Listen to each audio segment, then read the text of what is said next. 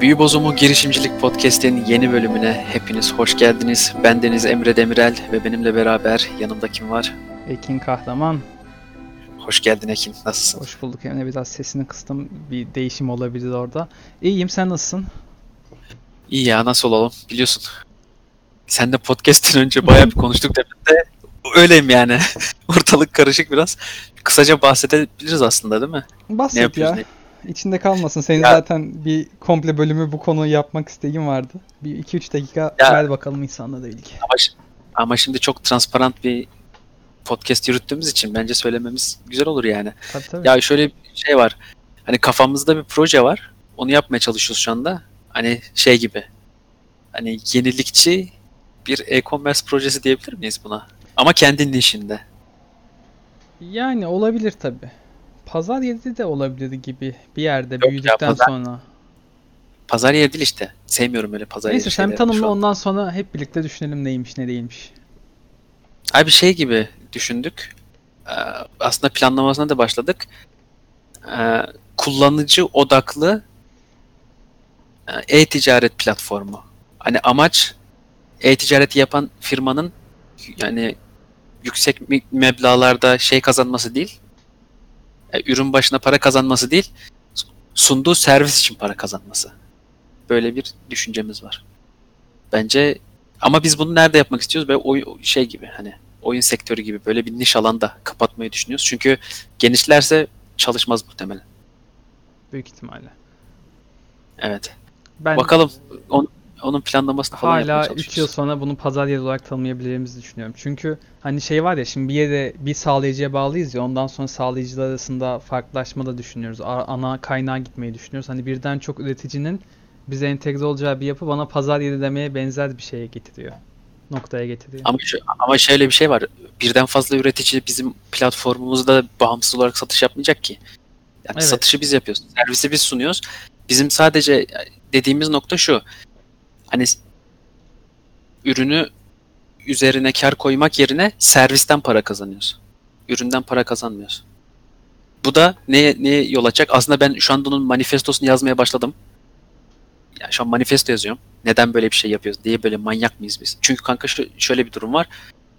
Ürün başı belki %30 %40 karından vazgeçeceksin, geçeceksin sabit bir para için.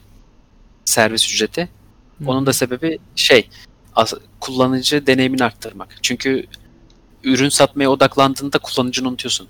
Onlara böyle şey olarak bakmaya başlıyorsun. Hani meta bana para sağlayacak çıktılar girdiler diye bakmaya başladığın için bizim amacımız da şey ya hani servis kaliteli olsun insanlar mutlu olsun ya. O yüzden servisi pazarlamaya çalışıyoruz. Onun için de bir manifesto yazıyorum. Manifestoyu yazdığımda paylaşırız. Güzel olacak. Tamam o zaman madem şeffaflıkla girdim ben şeffaflıkla devam edeyim ama podcast'imizin şeffaflığıyla ilgili olsun bu da. ee, ilk 10 bölüm için konuşalım abi. Şeffaf verilerimizi.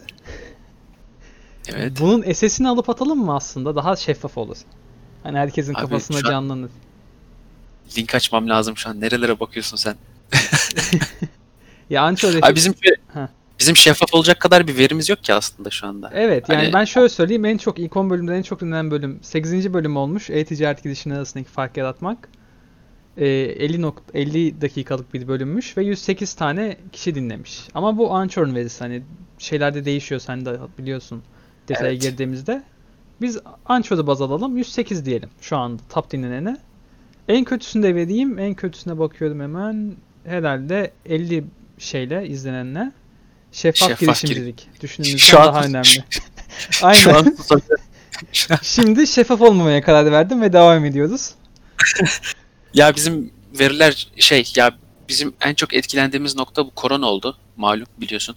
Evet. Benim diğer projem de etkilendi ondan. Onu hala oturtamadım çünkü şey insanlar şimdi şey diyebilir. Ya sen eskisine saldın yeni bir şey mi yapmaya çalışıyorsun? Eskisinin üzerinde de çalışıyorum. Ama onu başka bir e-mail sağlayıcısından yeni bir tanesine geçirmeye çalışıyorum. Aksi, aksi gibi yeni e-mail sağlayıcısında şey yok. E, JavaScript SDK'sı yok. PHP ile kodlamışlar şeylerini, API'lerini. Ben de PHP bilmiyorum aksi gibi. Yani mantık yürüterek yapmaya çalışıyorum bazı şeyleri ama çalıştırmayı başardım. Şu an Evet, çalışıyor. Evet, iyi Benim kendi en son baktığımda. de- developer ortamında çalışıyor. Canlıya çekin çekmeye de korkuyorum. bozulacak diye. Bakalım onu çalıştırayım. O proje devam ediyor yani. Alttan çalışıyorum. Teknik kısımlarını çözmeye çalışıyorum şu anda. Yeni bir şeyle çalışırken. Bu yani bizim yapmaya çalıştığımız şeyler bunlar. Arkadaşlar diyebilirler ya biz ya, yazılımdan mazılımdan anlamıyoruz. Bizden girişimci olmaz mı? Yani serbest girişimci olmaz mı? Bazen şey oluyor. Bana soruyorlar. Hani sürekli yazılım temelli konuşuyorsunuz Hı hı. diye. Bu da yanlış. Bunun da biz bölümünü çekmiştik değil mi? Şeyle Evet. no kod hani kodlamadan da bir şeyler yapılır tarzı. Hatta bulalım o bölüm kaçıncı bölümdü ya? Neyse yani öyle bir bölümümüz de var aslında bizim. Bir tane daha çekmeyi düşünüyordum ben bugün. Ama değiştik fikrimizi değiştirdik. Başka bir konuyu çekelim dedik. Orada da mantık şu. Hani e, makerpad.co diye bir internet sitesi var. E, böyle kodlama bilmeyen ya da kodlamayla uğraşmak istemeyen insanların girip ürün çıkarabileceği yerler. E, son yani bu sana anlattığım bu e- e-ticaret projesi var ya.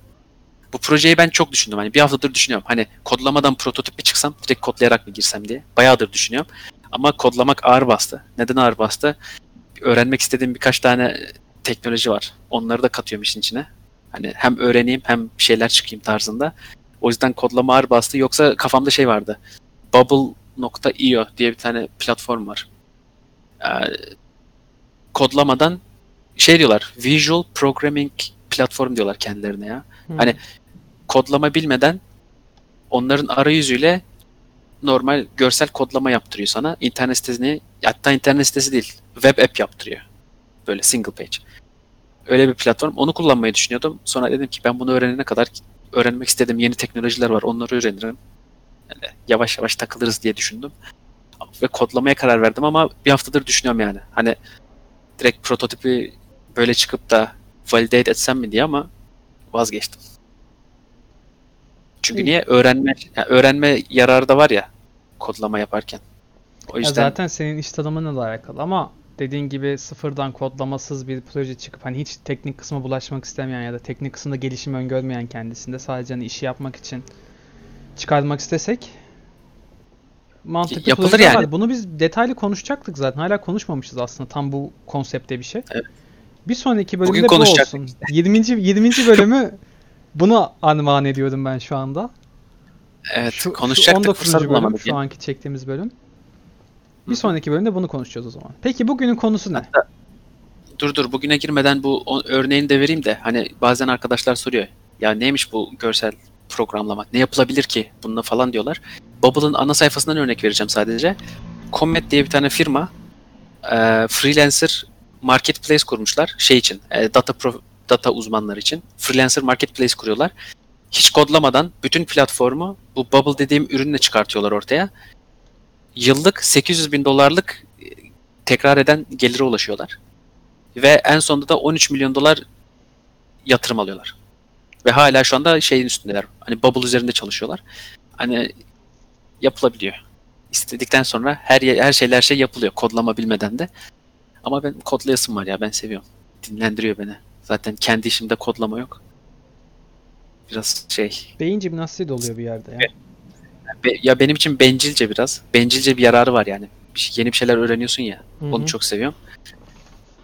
Neyse buradan geçelim bu konuyu yine başka zaman konuşuruz. Bugün asıl konumuza gelelim. Neydi bizim bugünkü konumuz?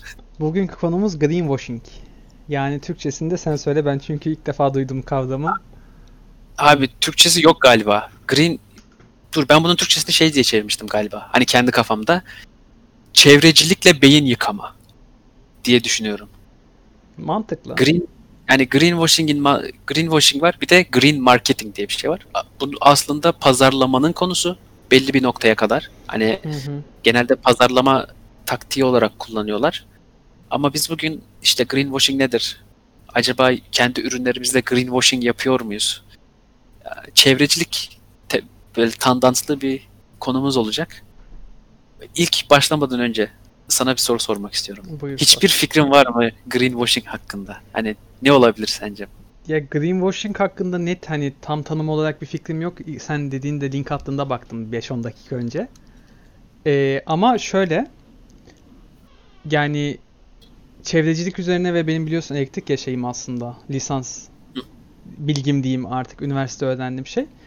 Ee, elektrik ve şey konusunda çok araştırma yapmıştım. Paris Anlaşması işte hani şeyi oturtmaya çalışıyordum. Neden bazı ülkeler hani reddediyor? Mesela Hindistan neden herhangi bir taahhüt vermek istemiyor ya da biz Türkiye mesela neden hala bir şey imzalamadık?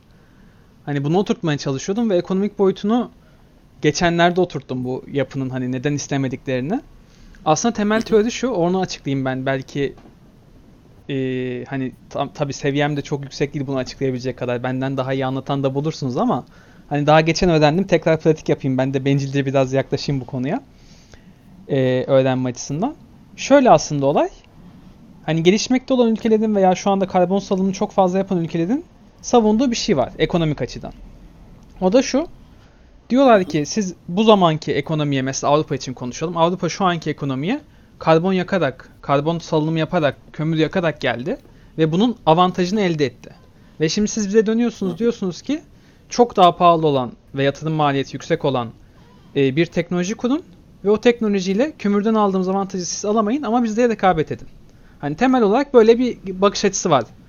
Ya, e, imzalamak istemeyen ekonomilerin. Yani diyorlar ki Hı hı. siz 1920'den beri kömür yaktınız. Bunu tükettiniz ve bunun ekonomik çıktısını elde ettiniz, kazancını elde ettiniz ve biz bunu elde etmeyelim. O zaman siz nasıl rekabet edeceğiz tarzı bir antitez varmış.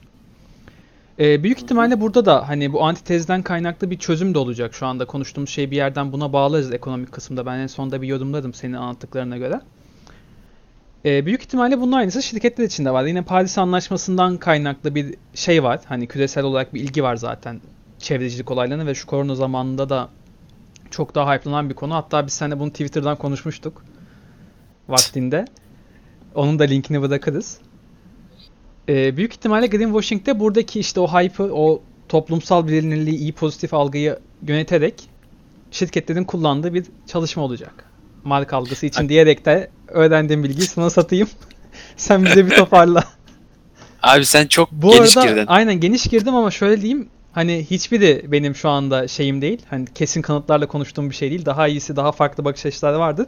Benim şu ana kadar öğrenebildiğim bu kadar bilgi bu konuyla ilgili. Hani bir yıl sonra farklılaşabilir de. Şimdi buradan beyan edeyim çünkü araştırmaya devam ediyordum şeyde Rölanti'de. Ee, böyle de bir şey yapayım. Beyan edeyim de sonra başımız derde girmesin.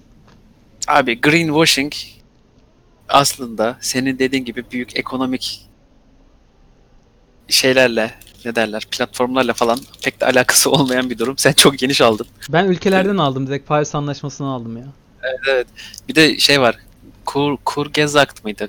Evet. YouTube kanalı onlar Evet. yaptı. Hani ekonomiyle yani bu tar- o senin dediğin konu için çok güzel bir video hazırladılar. Onu izleyebilir arkadaşlar. Onun da linkini bırakalım. Ama greenwashing böyle bir şey değil. Genel olarak. Greenwashing aslında çarpık bir pazarlama stratejisi. Bu ne Hı demek? Ee, bir firma kar amacıyla ee, eko yani eco-friendly olduğunu iddia ediyor. Ama amacı aslında çevreyi korumak, işte çevreyi çok sevdiğinden değil, tek amacı insanların beynine kendisinin çevreci olduğunu yerleştirip daha fazla para kazanmak. Ve bunu yaparken de e, çevreci yani çevreciyim diye yaptığı nasıl nasıl anlatacağım onu? Şöyle diyeyim. He, çevreci olduğunu kanıtlamak için harcadığı para çevreyi aslında korumak için harcadığı paradan daha fazlaysa greenwashing yapıyor. Hmm. Yani çevrecilikle beyin yıkıyor. İnsanları çevreci olduğuna ikna ediyor ama aslında değil. Greenwashing bu. Anladım. Şimdi evet şimdi arkadaşlar diyebilir ya siz bunu bunun konuşulacak nesi var falan diye. Çevremizde özellikle böyle çok büyük firmaların pek çoğunun yaptığı bir şey bu. Kimisi farkında olarak yapıyor. Kimisi de farkında olmadan yapıyor. Öyle bir problem var. Bir de e, çoğu zaman bu greenwashing'i green marketingle karıştırıyor insanlar. Green marketing de şey e, pazarlama stratejisine insanların sağlığı ve çevrenin e, iyiliği üzerine kuran pazarlama stratejileri var. Misal yani bir firma sadece e, çevreci yani çevreci olduğu için el el broşürü kullanmaktan imtina ediyor. Mesela bu green pazarlama. Niye? Çünkü firma biliyor ki binlerce e, el broşürü bastırırsa ve bu broşürler de sağa sola saçılırsa çevre kirliliği olacak. Ağaçlar kesilecek bunun için. Ondan sonra ve bunu istemiyorlar. Mesela dijitale yöneliyorlar. Çünkü diyorlar ki yani aynı parayı ben dijital şu platforma verirsem biliyorum ki daha az çevreye zararım dokunacak ve çevreyi kirletmemiş olacağım. Bu yeşil pazarlama. Ama greenwashing tamamen şey. Ya biz çevreciyiz gibi gözükelim. e, oradan yürürüz. Hani para kazanırız. Ama yani olup olmamamız önemli değil. Şimdi bütün bu açıklamalardan e, yola hareketle aklına hiç böyle bir firma geliyor mu? Hani ya greenwashing yapıyordur bunlar kesin dediğin. Hani şey gibi düşün yani. Hani ilk taktik şey. Hani harcadıkları para hani pazar yani çevreciyiz pazarlamasında harcadıkları para çevreye harcadıklarından fazla olacak. Bu benim için şeydir bu. İlk hani ilk yakalaman gereken nokta yani. Hmm. Yani Türkiye'de çok fazla çevreci olduğunu iddia eden bir kurum da yok. Hani global olarak düşünmeyip önce Türkiye üzerinden düşündüm. Hı hı. Yani en çevreci kurumumuz Tema olabilir belki Türkiye'de şu anda benim marketing açısından gördüğüm ama onun dışında ya böyle bir spesifik bir firma gelmedi. Evet. Ya Belki şimdi bankalar birazcık şey yapabilir, beni etkileyebilir. Hani bankaların bazen öyle oluyor ya hani çok çevreciyiz işte şeyiz falan filan tarzı. Mesela Garanti Bankası'nın var böyle e, çevre fonlaması falan ona göre hatta yeni bir kredi çektiler. Şimdi o geldi aklıma. Hani normalde bakınca hiç çevreci bir kurum gibi durmuyor. Pazarlıyor mu kendisini ondan da emin değilim. Hı hı. Ya şimdi Ben error verdim şu anda. evet, dur şimdi bak ben sana bizim Türkiye'den vermeyelim örnekleri. Yabancı Evet, evet. örnekler Biraz Türkiye'den çıkalım ben de fark ettim onu. yabancı e, taraflardan verelim örneği. Önce şey söyleyeyim. Greenwashing genelde iki formda geliyor. Hı hı. Hani şu anda bu- arada bu konuyu anlatmamızın sebebi yapan arkadaşlar varsa firmalarında falan hani yapmasınlar. Çünkü kötü bir şey çünkü. Yani insanlara açık açık yalan söylüyorlar. İkincisi de farkında olmadan yapıyorlarsa farkına varsınlar kesinler. Çünkü bazı firmalar da farkında değil. Hani yaptıkları şeyin e, çevrecilik olduğunu sananlar da var. Çünkü ikna etmiş kendini buna. Ben çevreciyim diyor ama değil aslında. Greenwashing yapıyor. Ee, bunun iki formu var. Bir tanesi firmalar kendi ürünlerini e, çevre dostu diye müşterilerine pazarlıyorlar. Ama aslında ürünün çevreyle falan hiçbir alakası yok. Hani dandik bir ürün. Ama çevre dostu diye para pazarlıyorlar. Bizim Türkiye'de özellikle bunu çok görürüz. Pek çok böyle e, süpermarket ürününde paketlerinde sağında solunda görürsünüz. Onların çoğu yalan. Yani isim vermiyorum şu anda hiçbir şekilde. Pek çoğu yalan oluyor. Çok öyle azdır yani doğru. İkincisi şey diyorlar. Ya benim tamam çevreye zararlı ürünlerim var ama bak bir tane de çevre dostu ürün çıkardım. Eğer sen çevreye daha az zarar vermek istiyorsan bak şu ürünü kullan diyorlar firmalar. Ama o ürün de aynı yani. Aynı e, şeyin laciverti diyelim. Bir de Ama- şöyle bir ekleme yapayım ben. Hani sadece ürünün çevreci olması önemli değil. Mesela hani çok iyi bir ürün yapmışsındır. Tamam Hı hı. mı? Gerçekten dediğin gibi çevreye hiçbir zararı yoktur ki çok zor. Hani bir yerden kapaman lazım. Hadi diyelim onu da kabul ettik. Sıfır zararla çevreye çok ekonomik, ekolojik bir çözüm verdik. Ve bunu Hı hı. pazarlıyoruz. Ama hani ben, beni kimse şunu ikna edemez. Bu adamı ben taşırken de yani ürünümüzü taşırken de çevreci yöntemlerle taşıdım. Yanlış. Hani ürün Ya işte Bak şimdi orada birkaç tane de ekstra faktör var. Hani ürünün taşınması da çevreci değil. Ürünün sergilendiği mekan da çevreci değil. O zaman ürünün kendisinin %100 çevreci olması zaten imkansız üretimden dolayı. Çünkü satış ve pazarlama kısımlarında bir çevre katliamı söz konusu aslında. Hani bunu da atlıyorlar. Ben genelde çevreci firmalarda onu gözlemliyorum. Yani çünkü bilmiyor. Hani kontrol etmiyor. Yani bunu ilk başlatan sanırım şey oldu. E, Bu yeşil bu şu an greenwashing'den bahsetmiyorum. Direkt Hı hı. yeşil pazarlama örneği vereceğim. Çünkü sen oraya atladın. Çok Aynen. kısa geçeceğim orayı. Bunu ilk bu Patagonia diye bir giyim firması var ya. Hı hı. Onlar başlattı sanırım. Yani bütün ürünlerimizi recycled materyallerden üreteceğiz dediler. Dönüş dönüştürülmüş materyallerden ve bütün ürünlerimizin işte e, nasıl diyeyim materyalin geri dönüştürülmesinden sizin önünüze gelene kadar ki bütün hani aşamalarını önünüze sereceğiz dediler. Göreceksiniz. Nerede ne kadar e, karbon ayak izi yarattığımızı göreceksiniz. Ona göre karar verin falan tarzı bir e, kampanyaları vardı. Sanırım hala devam ediyor. Bunun için bir web sitesi falan da yaptılar. Hani bulabilirsem onu da koyalım şeye. Patagonya yapmaya başladı o senin dediğine. Hani her şeyi göstermeye çalışıyorlar. Çünkü Hani benim yeni nesilden sevdiğim nokta bu. Hani e, bazı yerlerde çok sapıtıyoruz. Hani bazen çok aşırı e, sensitif oluyoruz ya. Hı hı. Bazı- Duyarlı. Hani- Ya- Yani ba- yani belli bir duyar seviyesi olması lazım tamam mı? Hani şu noktaya kadar tamam. Yani bu bir duyarlısındır. O duyarlılık seviyesini aşınca duyar kasmak diye bir şey çıkıyor ya. Hani Öyle orayı çok var. çabuk aşıyor bizim. Evet, evet. Bizim nesil o o eşi çok hızlı bir şekilde, seri bir şekilde aşıp hani tavan noktasına vurdurabiliyor. Bütün dünyada böyle.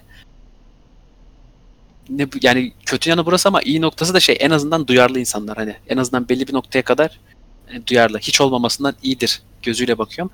Yani bu Patagonya'yı falan da bu, bu tarz şeyler yapmaya iten bu oldu.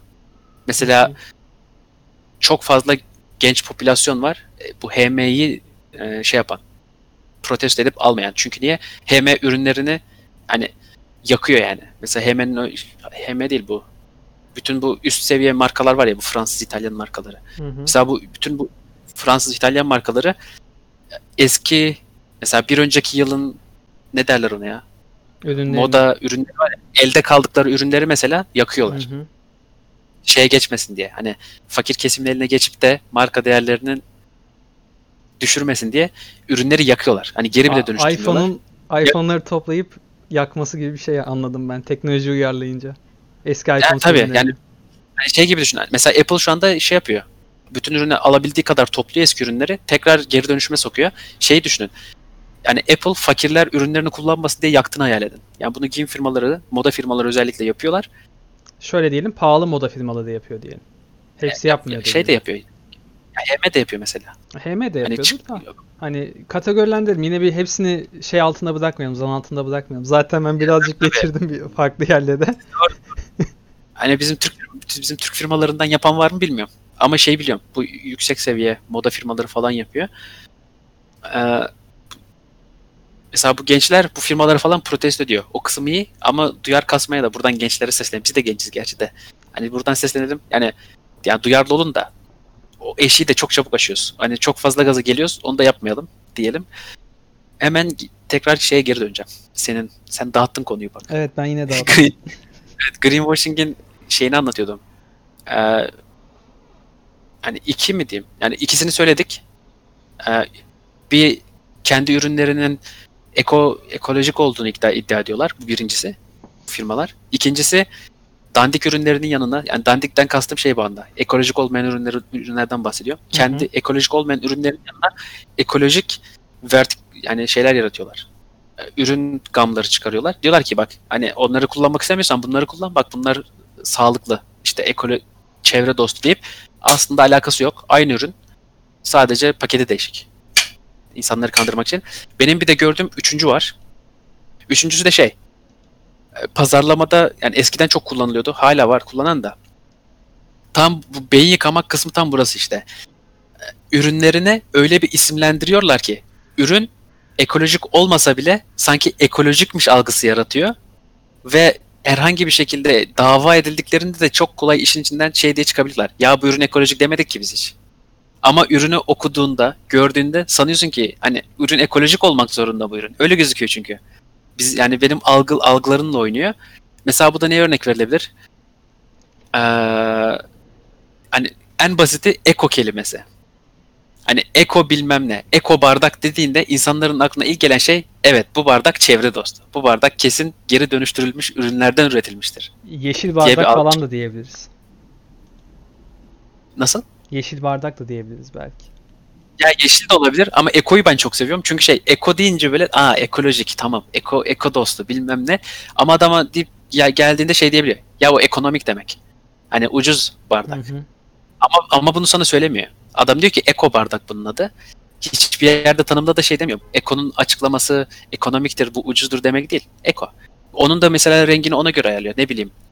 Biliyorsun bu e, nasıl ya bu biraz da şeyden kaynaklı işte. Bu, bu gaza gelenler var ya dedim. Gaza gelen gençler. Bu gaza gelen gençlerin şöyle bir farkı var. Bu gaza gelenlerin çoğu pek bilgi sahibi değiller. Bilgi sahibi olmadıkları için de manipülasyona çok açık oluyorlar. Ama işte çevreyi koruduklarını sanıyorlar. Mesela bunun en büyük şeyi e, bu kahve bardaklarını bilirsin bu üçüncü dalga kahve firmaları artık şey böyle renkli renkli yapmazlar bardaklarını. Hani standart kahverengi biliyorsun değil mi? Hı. O da insanın algısı şöyle diyor. Hı, bak bir boya bile kullanmamışlar. Hani kahverengi bu. Direkt hani fabrikadan çıkmış, direkt basmışlar, bardak haline getirmişler, kullanıyorlar. Sana şöyle söyleyeyim. O kahverengi bardakların çoğu boyalı hallerinden daha zararlı. Öyle bir problem var mesela. Hani her gördüğünüz e, boyasız karton kutu eko, ekolojik değil yani. Muhtemelen e, bu renkli ve cafcaflı olan e, şeylerinden, denklerinden daha bile zararlı olabilir ekonomi. Çünkü onların geri dönüştürülmesi çok zor oluyor. Bir de bazen sırf o kutuyu o hale getirmek için ekstra kimyasal kullanıyorlar. Mesela o bardakları falan. Peki ben yine atlayayım mı seni? Atlatayım biraz uçurayım.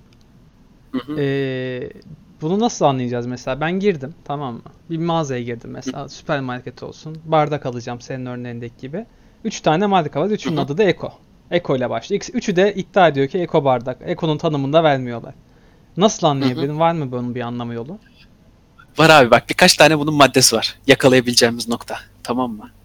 Birincisi bu firmaların e, özellikle firmalar büyükse, küçükse çok dikkat etmiyorlar ama özellikle büyük firmalar yasal olarak o içeriğini o kutuların falan üzerine koymak zorundalar. Hani senin dışarıdan gözünü boyar. Geçen şeyde gördüm yine.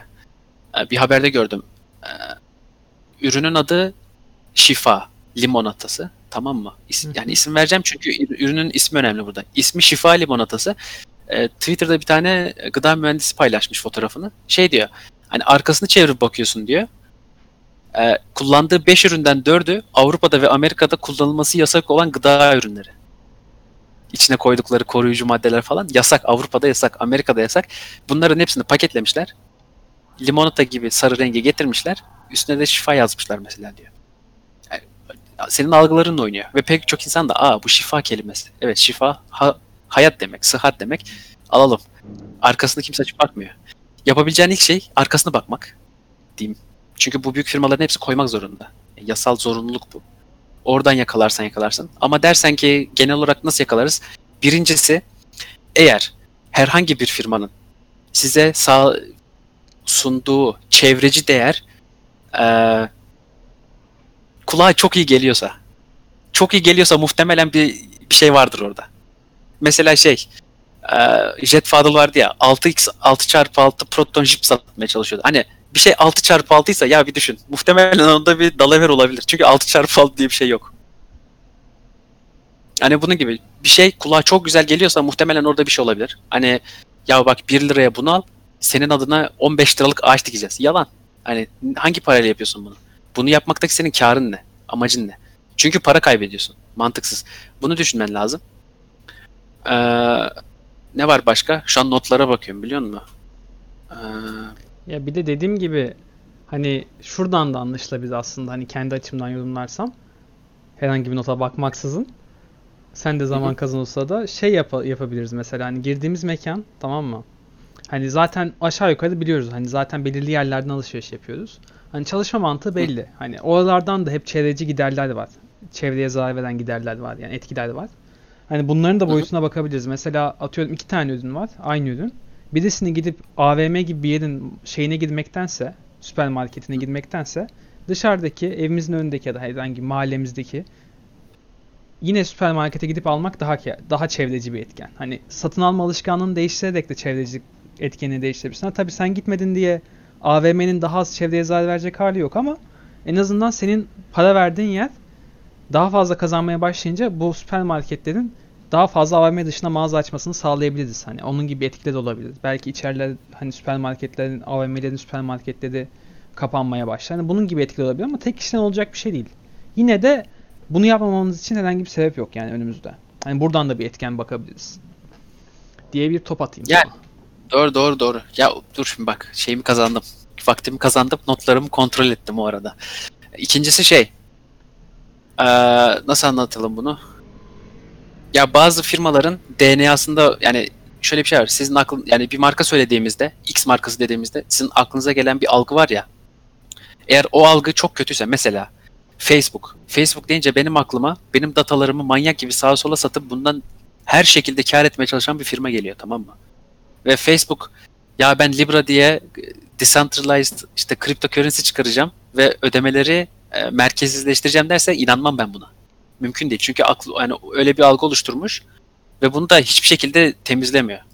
Yani her sene yeni bir şey çıkartıyor ortaya. Yeni bir tane bir şey patlıyor. Skandal. Benim hiçbir şey- evet bir yeni bir skandal çıkıyor ve ben Libra'ya inanmayacağım. Aynı şey bu çevre için de geçerli. Eğer bir firma hani üzerinde firmanın şey var.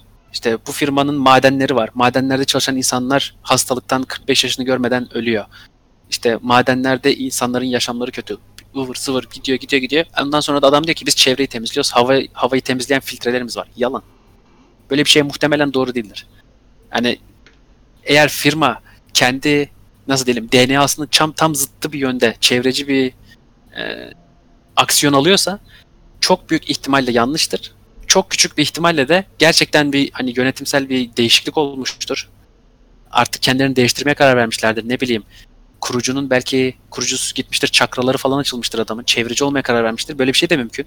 Mümkün değil demiyorum. Ama çok yüksek ihtimalle bir dalavere dönüyordur. Araştırmak gerekiyor.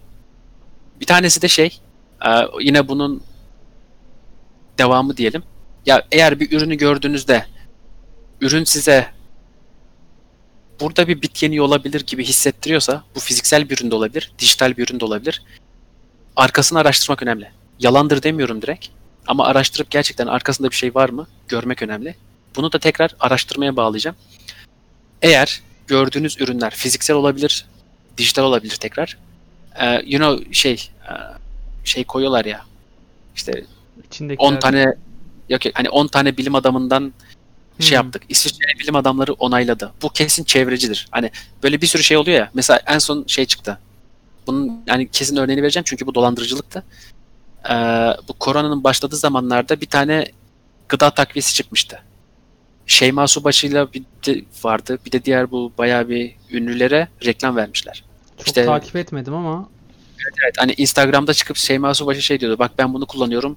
İşte çok iyi geliyor. Ürünün web sitesine giriyorsun mesela. İşte şey diyor. Koronadan %80 bilmem kaç koruma. Gripten %93 koruması var. ıvır zıvır yazmışlar. Abi neye göre %83? Mesela aşağıya şey koymuşlardı. İşte şu doktordan onaylı. Şey bakanlık onaylı yazıyor tamam mı yukarıda? Aşağı iniyorsun Tarım Bakanlığı. Ondan sonra hani Tarım Bakanlığı da muhtemelen Tarım Bakanlığı da muhtemelen bunun hani insanlar için kullanılacak bir Evet. ilaç olduğundan dolayı değil, yani endüstriyel bir ilaç olduğu için de vermiş olabilir. Çünkü o da belli. diye vermiş de olabilir yani. Evet evet hani, hani Tarım Bakanlığı bir onay vermiş buna ama ne onayı olduğu belli değil. Mesela bir doktor koymuşlar. İşte bu doktorun resmi var. Bir şeyler söylüyor. Ondan sonra mesela çıktı ki bir hafta sonra doktor kadın doğum uzmanı. Hani koronayla virüs bilimiyle falan alakası yok.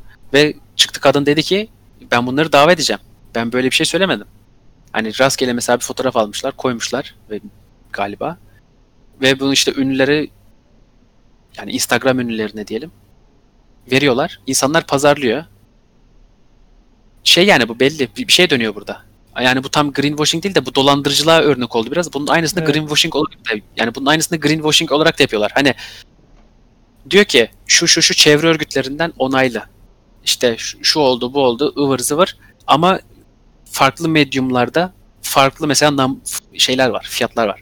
Facebook'ta reklamını görüyorsun. Diyor ki e, Dünya Sağlık Örgütü'ne göre işte bizim ürünlerimiz çevreye işte bilmem ne şu kadar Hı hı. yani Dünya Sağlık Örgütü olarak salladım da hani vardır illaki bir çevre örgütü, Dünya Çevre Örgütü. İşte onlar destekliyor bizi. Yüzde bilmem kaçla. Başka yere geçiyorsun, başka bir medyumda başka bir şey söylüyor. Bir de aynı şey internet siteleri için de geçerli veya kullandıkları medyum. Ee, söyledikleri şeyler birbirini tutmuyorsa araştırdığında yani o verdikleri bilgileri araştırıp daha derine gitmek istediğinde hiçbir şeye ulaşamıyorsan şüpheleneceksin. Çünkü eğer özellikle bilimsel bir e, enstitü bir şeye onay veriyorsa, bir şeyi kabul ediyorsa kesinlikle bir kere kendi web sitelerinde paylaşırlar bunu. Hiçbir şekilde özellikle yani bunu çevre için söylüyorum. Hani siz bir ürünün üzerinde tema bir şey gördüyseniz kesinlikle tema onunla ilgili bir açıklama yapmıştır. Ya bak biz şöyle şöyle bir şey yaptık.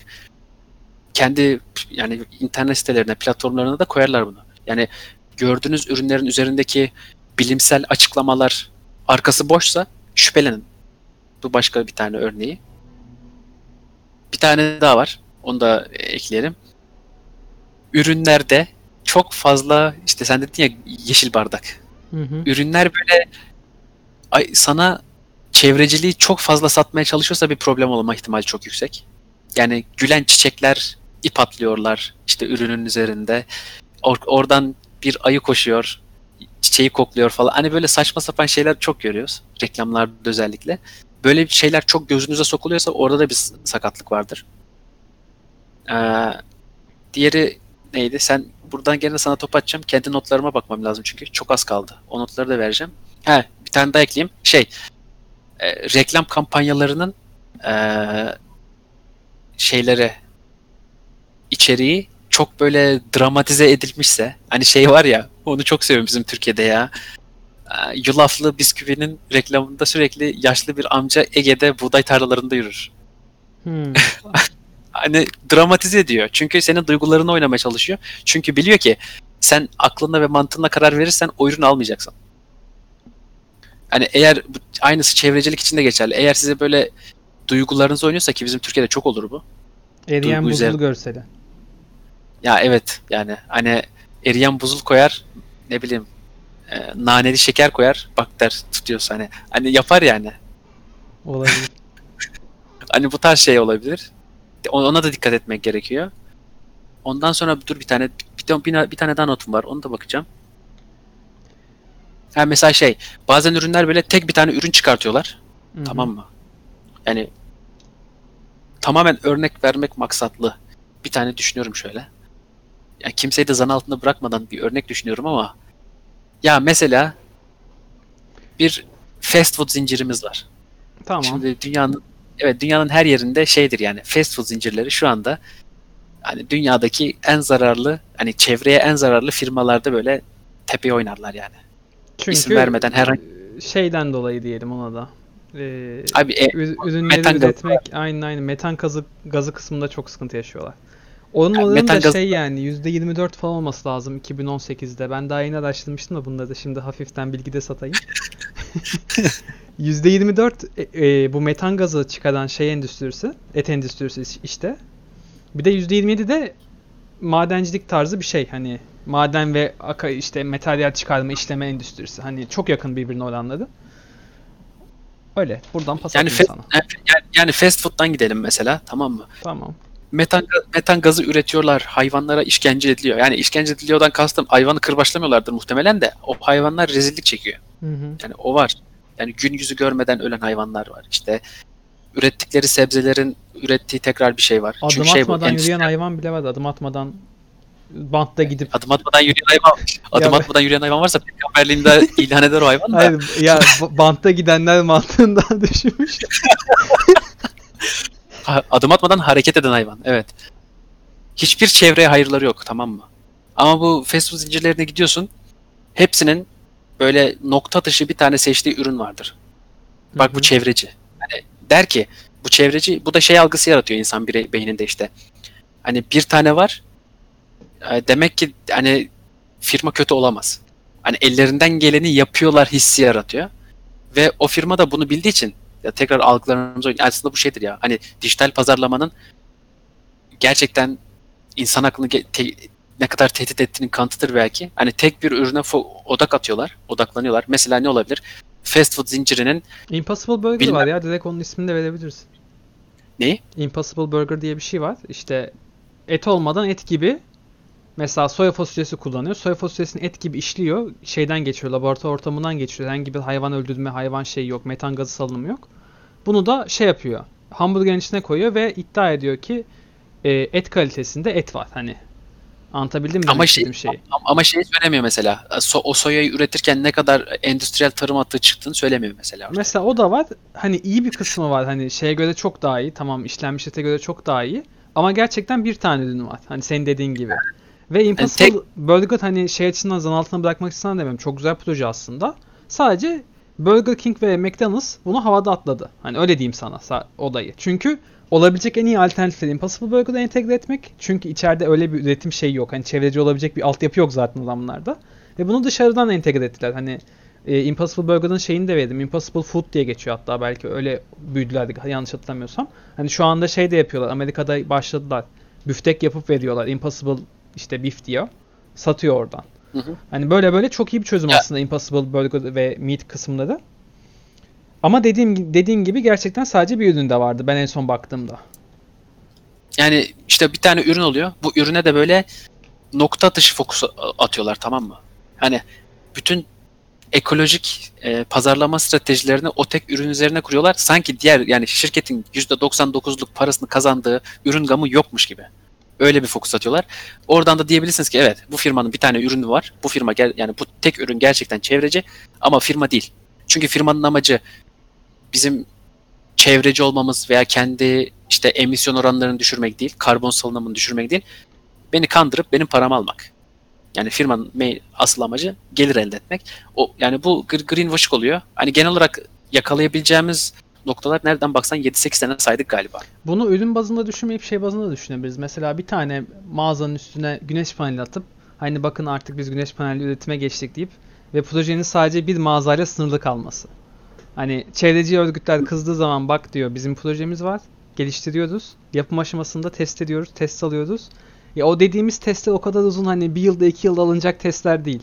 Hani sadece o çevreci örgütlerin gazını almak için yapılan projeler gibi kalıyor bazı yerlerde. Mesela ben bu konuda en çok üzüldüğüm nokta Türkiye açısından bakarsam bu raylı ulaşım ulaşım şeylerin duraklarının üstünün hala güneş paneli olmaması. Hani bu kadar çevrecilik iddia eden bir ülkenin veya çevreci olma yoluna gitmeyi iddia eden bir ülkenin hala bu projeyi de hayata geçirmemesi beni derinden üzüyor açıkçası. Yani o konu çok farklı bir konu. Yani evet ya o konu bu- zaten ben başından beri girmeye çalışıyorum farkındasın. Ama girmeyeceğim. bir şey var. Girmeyeceğim. Yani less ne, İngilizce'de bir tabir var ya nasıl da? Unpopular idea mıydı? Hani benim de bu yani bu özellikle çevreci örgütler konusunda böyle diğer insanların desteklemeyeceği tarzda bir görüşüm var da hani şey gibi geliyor. Dünyanın en büyük çevreci örgütleri sanki belli politik akımların güdümündeymiş gibi hareket ediyorlar sürekli. Hani en azından bana öyle gözüküyor dışarıdan. Ee, Yani tartışmaya açık bir konu tabii de belki değildir. Bana, bana öyle gözüküyor bir şahsıma. Yani benim de öyle bir düşüncem var da hani çevrecilik çok şey oldu artık. Ee, bu İngilizce'de bir tabir var yani ranting diye. Hani bir konu üzerinde şey Türkçe'ye nasıl çeviriyor ki? Yani Herkesin- bir konuyu alıyorsun şey kasıyorsun. e, Popülarite kasıyorsun o konu sayesinde. Hı hı. Bir şey diyoruz yani YouTuber'lar çok kullanıyor kelimeyi. Ee, De bilmiyorum. ya Yani konuyla ilgili işte- konuşarak kendi popülariteni arttırıyorsun. Konunun popülaritesinden evet, çalarak. Evet evet. Konu, ko- konunun popülaritesinden kendine pay çıkarıyorsun. Aynen. bir şey bir şey diyorlar ona da şimdi unuttum. O ranting oluyor işte İngilizce'de. Rant diyorlar işte. Rant Hı hı. kasmak. O konudan Ee, şeyin de bu greenwashingçi firmaların da rant kastı kelimeler var işte. Belli kelimelerin içini çok fena boşalttılar. Yani mesela artık o kelimeleri çevreci firmalar bile kullanmaya korkar oldu. Gerçekten bu işi hakkıyla yapan firmalar bile kullanmaya korkar oldu. Birincisi natürel, doğal. Hı hı. Hani bu, bu kelimenin içi o kadar boşaltıldı ki ya hani mesela şey insanlar artık markalarına koyuyorlar mesela isimleri. Tekrar şey, hani hiçbir firmayı zan altına bırakmadan söylüyorum. Bu sadece örnek. Doğadan diye bir firma var. Hani e, çay ürünleri üretiyor. işte çay ıvır zıvır ürünleri. İsmi Doğadan. Hani direkt şeye girmiş. Kafadan girmiş yani. Bu arada çok güzel isim ha. Hani marka ismi olarak gerçekten tebrik edilmesi gereken bir isim. Kim bulduysa helal olsun. Çok güzel bulmuş. Ama sonuçta içini boşaltıyor şeyin genel olarak konseptin içini boşaltıyor. İkincisi organik. Tahmin edebilirsin yani. Hı hı. Organik. Eco-friendly. İşte çevre dostu. Bu boş şey. İşte biyolojik. Yeşil. Sen dedin zaten. Yeşil bardak. Yeşil. Ee, Ya hatta ben Sustain- bence şey bile var abi. Hani kutuyu bile yeşil renkle boyasan o bile bir çağrım, çağrışım ifade edebilecek bir şey aslında. ama, o, ama o yeşilin de böyle parlak yeşil olmaması gerekiyor. Biraz böyle kahverengimsi yeşil olacak ki Doğal hani doğayla olacak. Aynen. Evet evet. Onu yapıyorsun. Şey, e, sürdürülebilirlik. Ya ş- o kadar çok seviyorlar ki bu çevreyle ilgili reklam yapan firmalar. Sürdürülebilir çevre bilmem nesini. Bu kelime var. Bak benim en sevdiğim son zamanlarda çıkan bunun Türkçesini bilmiyorum. Biodegradable deniyor tamam mı? Bu şey Hmm. e, paketlerin üzerinde görmüşsündür. Bu paket biode yani %30 biodegradable Şey, demek. Şey biyolojik olarak çözünebilir mi demeye çalışıyorsun? evet yani eğer doğaya atarsan %30'u bu paketin çözünecek demek doğada. Hı hı. Yok olacak. Tamam, Evet o Yani- çok var yani o- artık. Evet evet. Yani son zamanlarda çok arttı. Bunun bir de 2-3 çeşidi var. Bir tane biodegradable var. Bir tane daha var da onun adını unuttum. O da şey Bio bir şey o da. Bir şey degradable diye geçiyor. Ama o ikisi birbirine çok benzediği için insanlar kelimenin farkını anlamıyor. Anlamadık. O, o da şöyle bir şey. Bu paket veya ürün çözünebilir doğada. Şey doğada diyorum çözünebilir ama e, fabrik ortamında çözündürebilirsin bunu. Hmm. Yani Ben hep onu fabrik ortam- düşünüyordum çünkü testini alıp almama kısmında bazen yazıyor şey süpermarket poşetlerinde bu ürünün %80'i 30 gün içinde doğada çözünür diye. Evet evet. Tamam. Onu onu oynatıyorlar. Yani Hı hı. doğada çözüneni var. Bir de bunun doğada çözünmeyeni var. Onun adını hatırlamıyorum. Doğada çözünmeyen de tahminimce elektrik üretim şeylerine gidiyordur tekrar. Biyo dönüşüm santrallerine Yok, falan yok. gidiyordur. Yok, Fabrik yok. ortamı ya. Yok yok onu tekrar çözündürüyorlar. Hani normal Hı hı. çözündürülebiliyor. Ama doğada 30 günde kendi kendine çözülmek yerine fabrik ortamında belli e, kimyasallar kullanılarak çözündürülmesi gerekiyor. Aynen. Ve onun ismi, onun ismi de bir şeydi. Bio ile başlayan bir şey.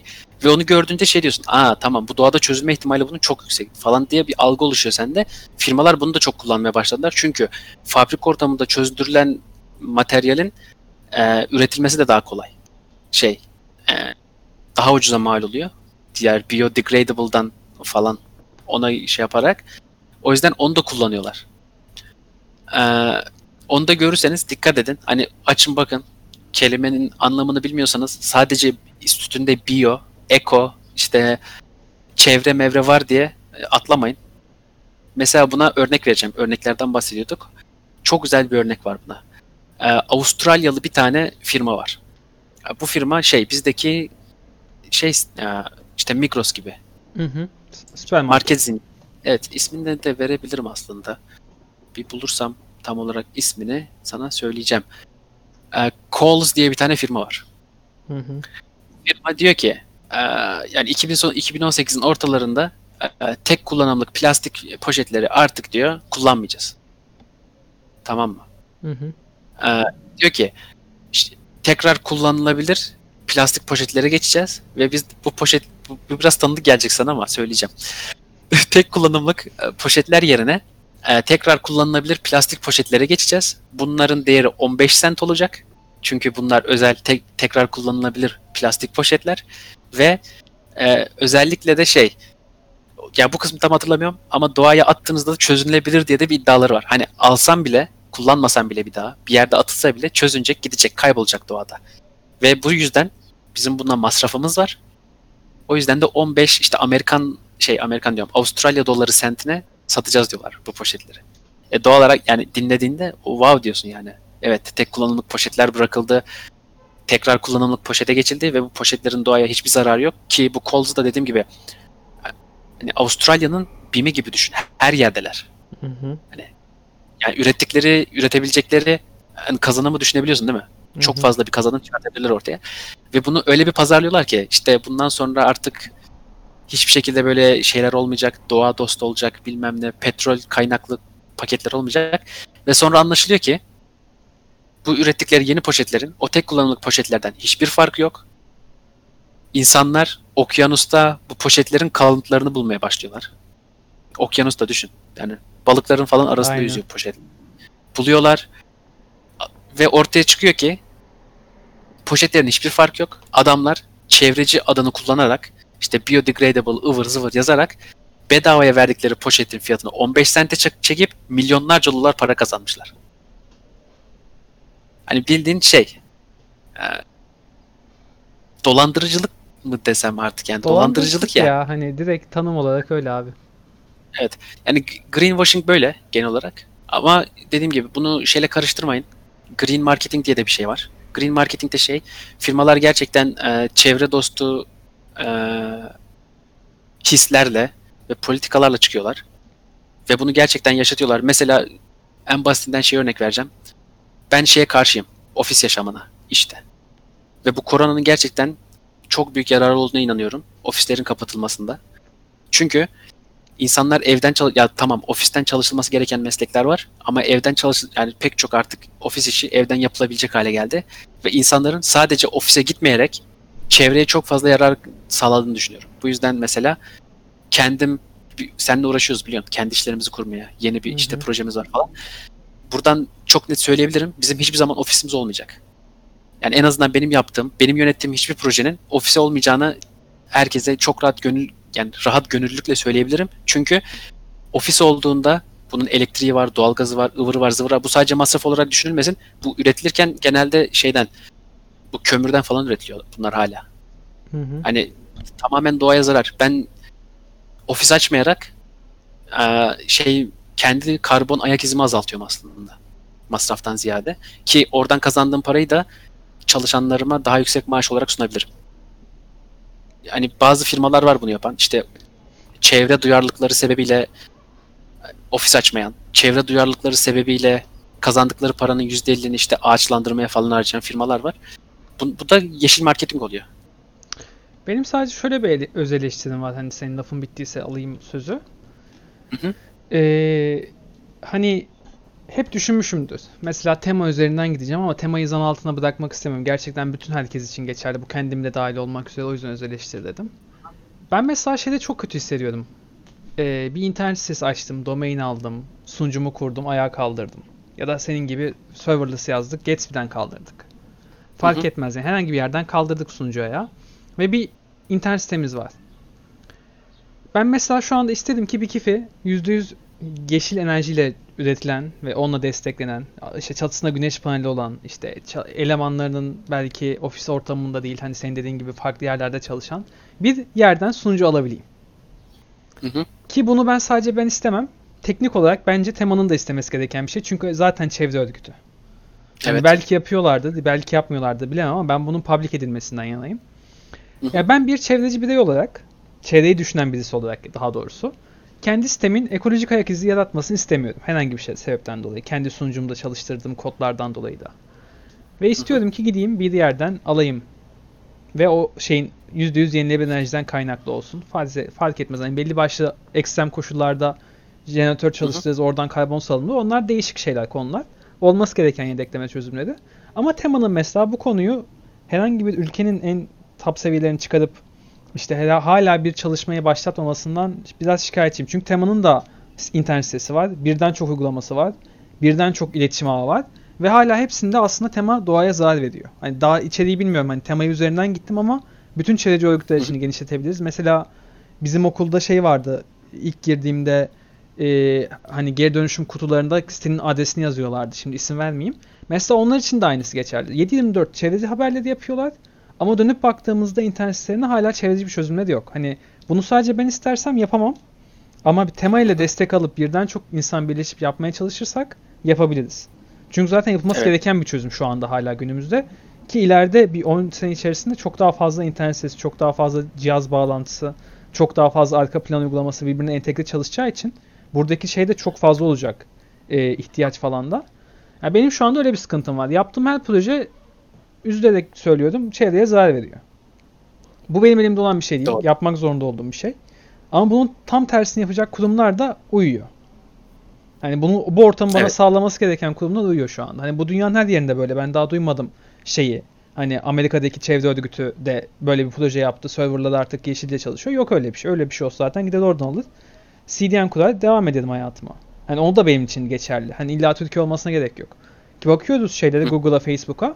Yavaş yavaş kendilerini hani senin dediğin gibi tek bir santrallerini, tek bir e, sunucu şeyin veri merkezine çevreci yapıyorlar. %100 çevre enerjisi çalışıyor. Hani klimayı kapatıyor Google. Klima yerine kendinden soğuyan sistem kuruyor. %70 azaltıyor falan. Ama hala istenilen noktada da olmadığını görüyorum buranın. Hani en geri kalmış sektör ne yazık ki bizim sektör gibi hissediyorum. Hani yine süpermarkette mesela belli bir başta ürünleri yeşile çevirebiliyorsun. Yeşil kısma döndürebiliyorsun veya kendi bazında bir çözüm yapabiliyorsun. Ama bizim şu anda seninle ikimizin elimizin kolu bağlı. Elimiz kolumuz bağlı yani. Böyle bir Yok, sıkıntı yok. içerisindeyim ben. Anladım yani anlat.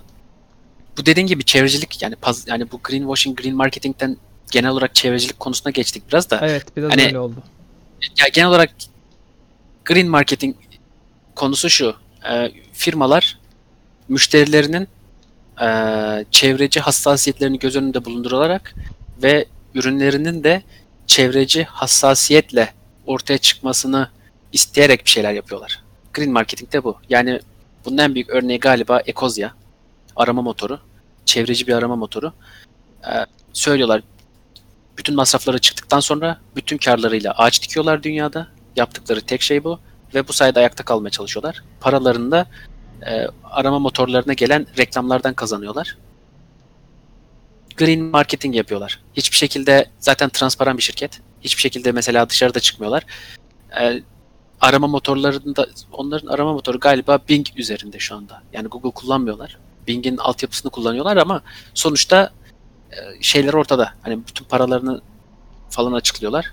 Bu arada kullanmak isteyenler varsa kesin ya benim desen ki bana gerçekten çalışmak istediğin 3 tane e, firma say şu anda dünyada. Bir tanesi Ecosia benim. Çok yani yaptıkları işe gerçekten çok büyük saygı duyuyorum. Bu senin e, tema falan dedin ya. Hı O konuda da ufak bir hem sitemediğim burada. Evet, senin öyle bir anın var. Onu da hatırladım konuşurken. Yani şey ya ben 2018 senesinde bu çevre konusuna falan bayağı düşmüştüm. Hani hiç uğraşıyordum. Bir tane proje falan geliştirmiştim işte. Proje baz, projenin ya proje geliştirmiştim de denmez de hani şema çıkartmıştım diyelim. Düşünmüştün çevre- diyelim belki.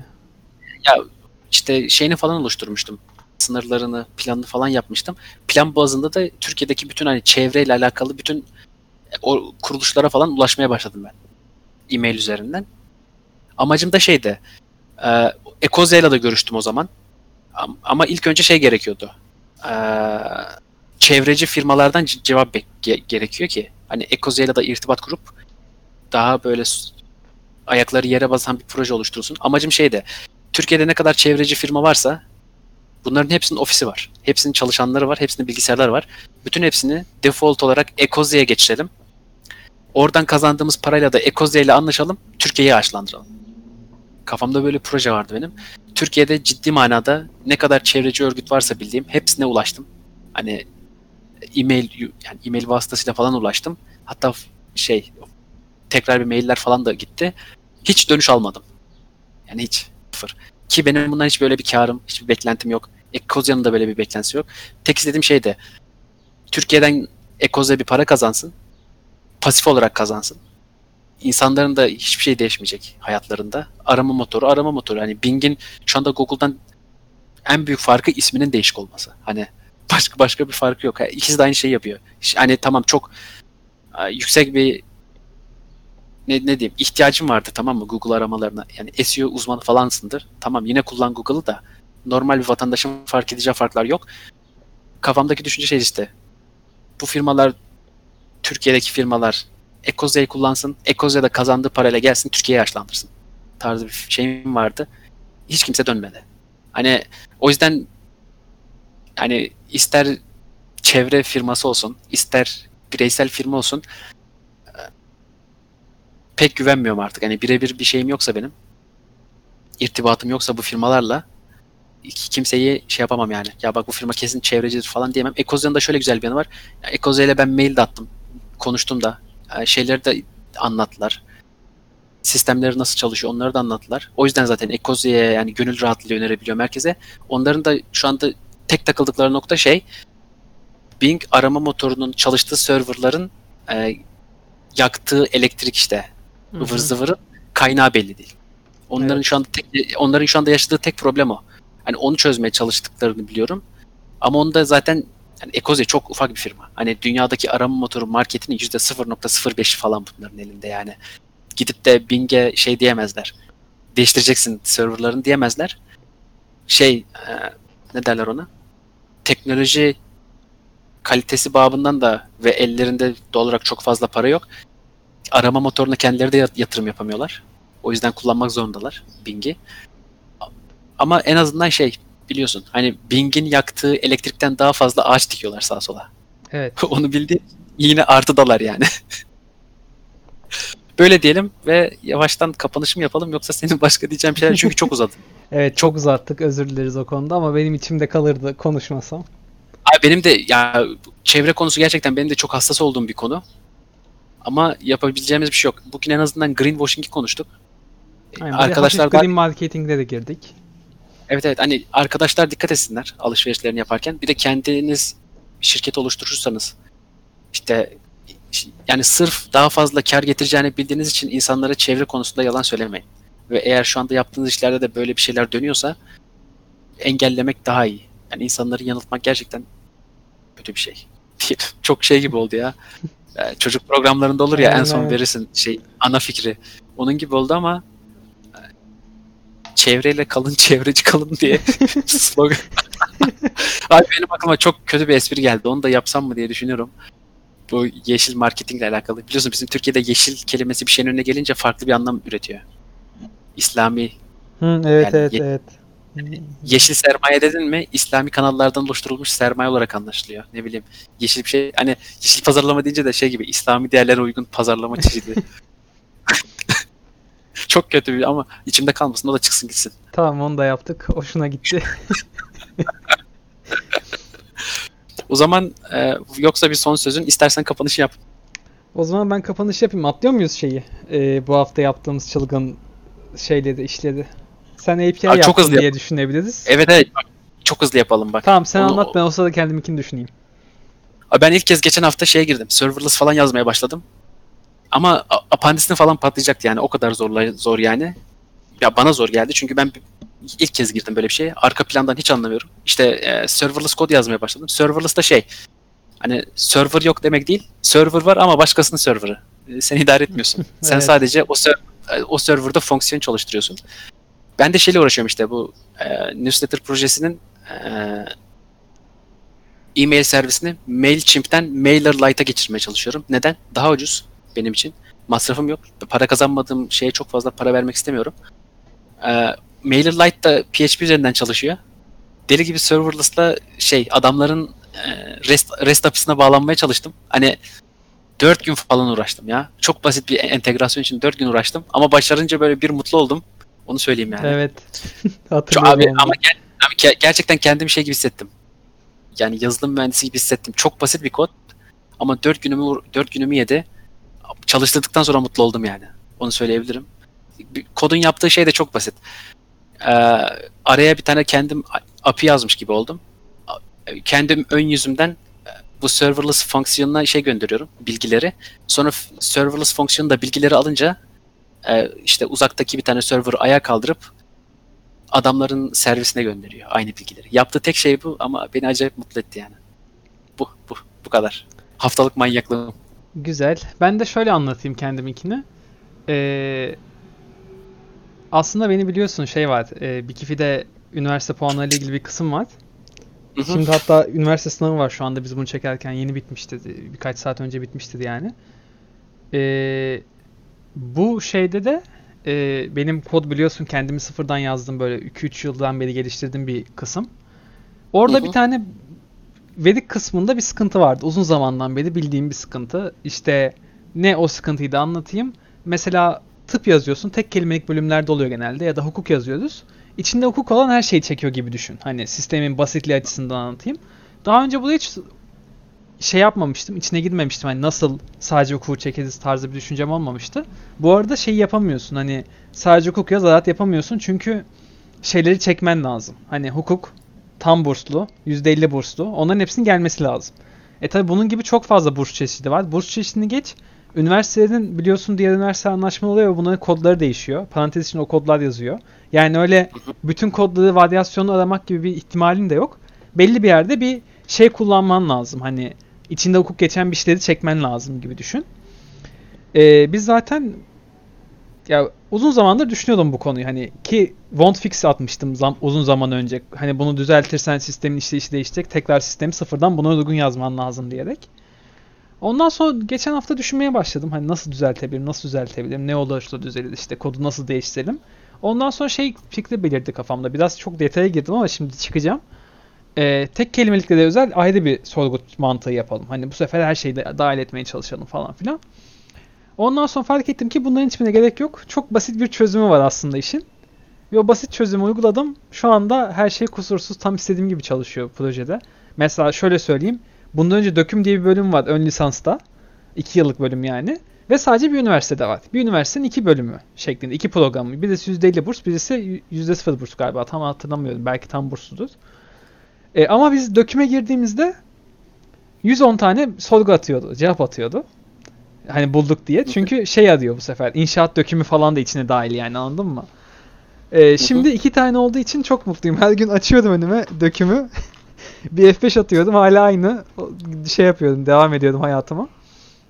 Bu hafta full bunu çözdüm. Bu sorunu çözdüm ama en sonunda gerçekten yani uzun zamandır bug'ını kapamaya çalıştığım sistem şu anda hazır gibi. Sadece yine kimse kullanmayacak büyük ihtimalle. Öyle bir şey değişecek hayatımızdan. Belki seneye hani senle falan değiştirdiğimizde çıkar ama bu sefer arka plan hazır Emre. Hani bunları hep hallettik. Hallettim yani.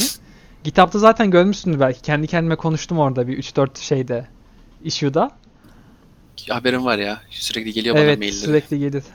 Neyse. O zaman kapanışı da yapıyordum.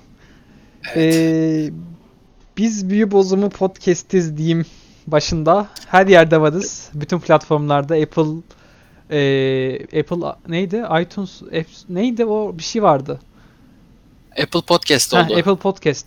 Google Podcast ve Spotify başta olmak üzere bütün platformlarda varız. Yoksak bize mail atın oraya gidelim. Ekleyelim kendimizi. Ee, bize Twitter'dan ulaşabilirsiniz. Gelip konuşmak isterseniz konuşabilirsiniz. Ee, maillerden yazıp sorunuz varsa sorabilirsiniz. Yok işte siz burayı yanlış söylediniz. Burası şöyle olsa doğrudur ki başlarda vardır. Her yerde vardır. Ee, bunlarla ilgili bize dönüş yapabilirsiniz. Bizi dinlediğiniz için, şu anda bir saatinizi ayırdığınız için teşekkür ederiz. Ben Ekin Kahraman. Ben Emre Demirel. Teşekkür ediyoruz tekrar. Hoşçakalın.